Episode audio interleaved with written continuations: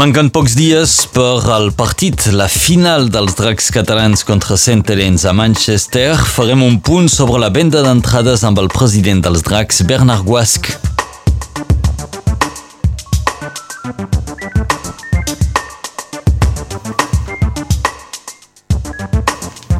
A l'actualitat també us parlarem dels grups parlamentaris d'Esquerra, els socialistes Junts, la CUP i Comuns que ataquen Vox al Parlament de Catalunya.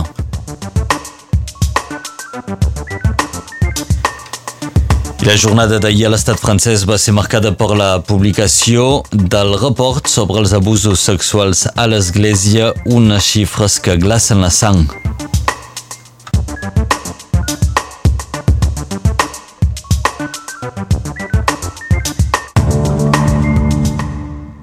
Comencem amb un punt sobre la situació de la Covid-19 amb una nova víctima ahir a l'Hospital de Perpinyà.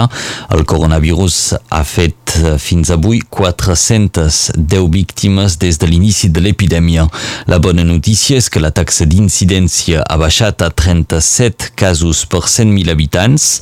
Ahir hi havia 63 pacients hospitalitzats, 10 dels quals estan al servei de reanimació i actualment un 79,82 2% de la població nord-catalana ha rebut almenys una dosi del vaccí. Unes 1.500 persones van manifestar ahir pels carrers de Perpinyà en defensa dels drets laborals. Assalariats de l'educació nacional, carters, animadors periescolars o encara professionals de la salut, jubilats, ajudants a domicili i molts altres sectors van ser representats durant aquesta mobilització. Reclamaven una revalorització dels salaris, una millora de les condicions de treball, també defensaven els serveis públics i la protecció social. Avui trobareu als quioscos el número 142 de la revista infantil en català Mil Dimonis. Aquest nou número és distribuït gratuïtament amb el diari L'Independent, un partenariat que permet fer arribar la publicació editada per l'Associació per l'Ensenyament del Català a desenes de milers de lectors del diari. La revista Mil Dimonis, que celebra 20 anys l'any vinent, vos proposa articles d'informació, jocs en llengua catalana i això és per un públic de 8 a 12 Els dracs catalans podran comptar amb Sam Tompkins per la final de dissabte a Manchester. El qui ha estat elegit millor jugador de la Superliga s'està recuperant d'una lesió, no serà al 100%, però igualment hauria de participar al partit contra St. Helens. Mentrestant, els seguidors són cada dia més nombrosos a preparar el viatge cap a Manchester. Escoltem el president dels dracs catalans, Bernard Guasc, que fa un punt sobre la venda d'entrades. Tenim quatre, quatre avions plens, és a dir, que bueno, els jugadors partiran amb, amb, amb directors eh, dijous al matí i dissabte al matí ja en tenim tres, tres de gros, de 200 places, que són, que són plens. I, i doncs això fa mil, mil, quasi, quasi mil persones.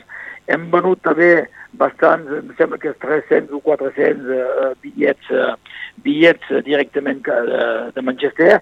Donc, uh, uh, podria ser que hi hagi 1.500 o 2.000, 2.000 catalans a, a, a Manchester i cal saber que és una temporada molt difícil, una temporada amb, amb la Covid i, i, i tots els problemes sanitaris que hi ha al tom de, de la Covid, és una temporada molt difícil i poder, i poder fer viatjar 2.000 persones cap a, cap a, a Manchester dissabte és una, és, és una prova molt, molt, molt important per nosaltres.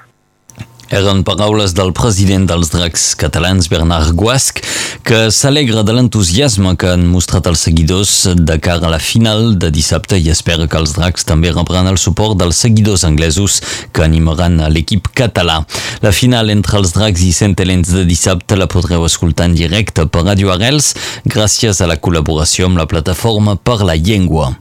I d'altra banda, els dracs catalans han obtingut una derogació per alleugerir les exigències de les autoritats angleses en relació amb el pas sanitari.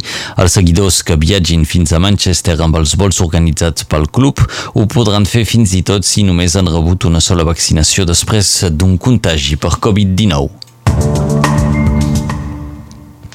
A Catalunya Sud, els locals d'oci nocturn, com les discoteques o els bars de nit, tornaran a obrir durant la nit de dijous a divendres després de molts mesos de tancament.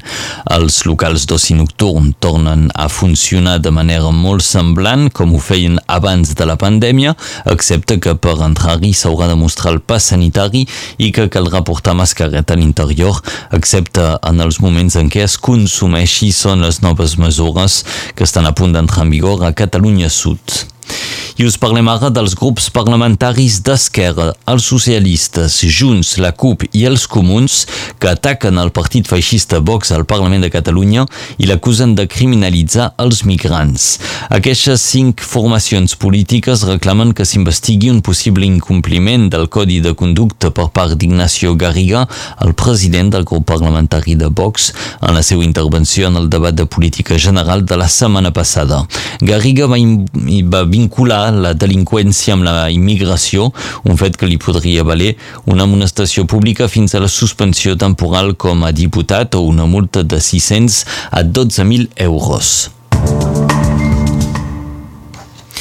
A l'estat francès ahir es va conèixer el report sobre els abusos sexuals a l'Església, una investigació conduïda per una comissió independent que destapa el nombre de casos de, de, de violacions i d'agressions sexuals per part de capellans o de religiosos. El document comptabilitza al voltant de 3.000 depredadors sexuals al si de l'Església des del 1970 i més de 300.000 víctimes des del 1950. Aquesta investigació ha estat un xoc per l'Església i el papa papa Francesc, a través d'un comunicat, ha compartit el seu dolor i la seva immensa tristesa després de conèixer aquestes xifres. La Comissió Independent sobre Abusos Sexuals a l'Església reclama una reforma del dret de l'Església que no ha contribuït al tractament adequat d'aquestes violències i agressions sexuals. Parlem ara de Frances Hogan, és l'ex-treballadora de Facebook alertat sobre els perills que representa la companyia de Mark Zuckerberg, a qui ha acusat d'estar operant des de l'ombra i fora de l'escrutini públic. Aquestes acusacions les ha fet davant del Senat dels Estats Units. Hogan va filtrar documents interns que demostraven que Facebook era conscient dels efectes tòxics que Instagram té i una de les eh, sobre en una de cada tres adolescents. De fet, l'amo de, del Facebook, Mark Zuckerberg, ha expressat aquesta nit i, i, i ha desmentit finalment haver privilegiat els beneficis a la seguretat dels usuaris.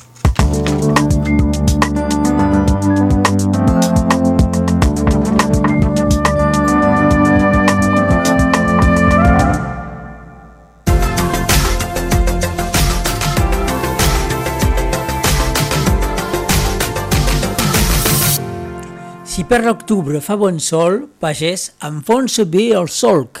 Farà sol avui, el famós anticicló de les Açores és ben present i provoca tramuntana. Bufa fort al Fenolledès, amb cops de vents fins a 70 km per hora. És una mica més atenuada al Rosselló, però amb una presència constant tot al llarg del dia.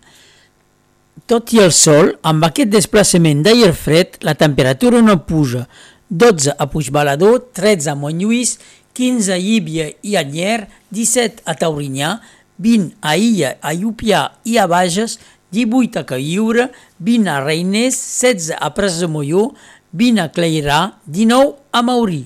El sol es pondrà sobre les vinyes allà, a Maurí, a 7 hores i 26 minuts.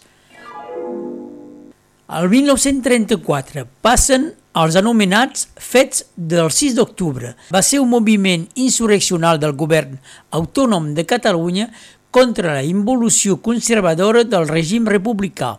El 6 d'octubre de 1934, quan el president Lluís Companys proclamava l'estat català de la República Federal Espanyola. Aquest intent secessionista desembocà en l'apresonament dels membres del govern de Catalunya i la suspensió de l'Estatut de Núria per part de l'estat espanyol. El 6 d'octubre de 2018 mor la soprano Montserrat Cavaller. Avui és Sant Bruno. Per l'octubre podràs, però l'algina no tocaràs.